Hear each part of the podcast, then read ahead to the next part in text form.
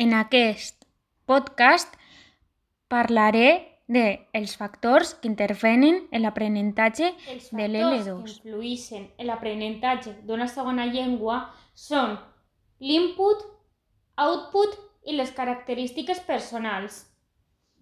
D'una banda, l'input és el bagatge lingüístic de la qual es pot seleccionar, extraure regles i crear un nou llenguatge integrant-la al seu sistema d'interllengua.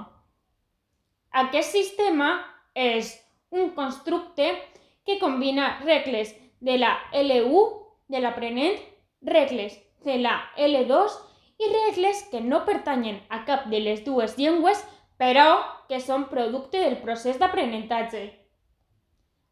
L'alumnat selecciona i assimila només una part de l'input anomenada intake, que va augmentant a poc a poc. Quant a la quantitat i qualitat, la quantitat de temps d'exposició a l'L2 és més important si els missatges que reben són comprensibles per als nens, ja que els permet avançar cap a la seva interllengua. En canvi, la qualitat del missatge està relacionada amb la possibilitat que l'alumne participi en la conversa perquè s'adequa a les seues necessitats de comprensió i d'expressió.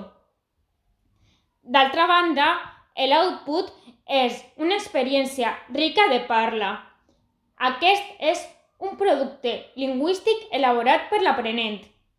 Es considera output els productes lingüístics, lingüístics que els alumnes elaboren a partir de l'input que han processat. Un output comprensible, correcte i adequat al context conversacional requereix un input comprensible, ric i variat.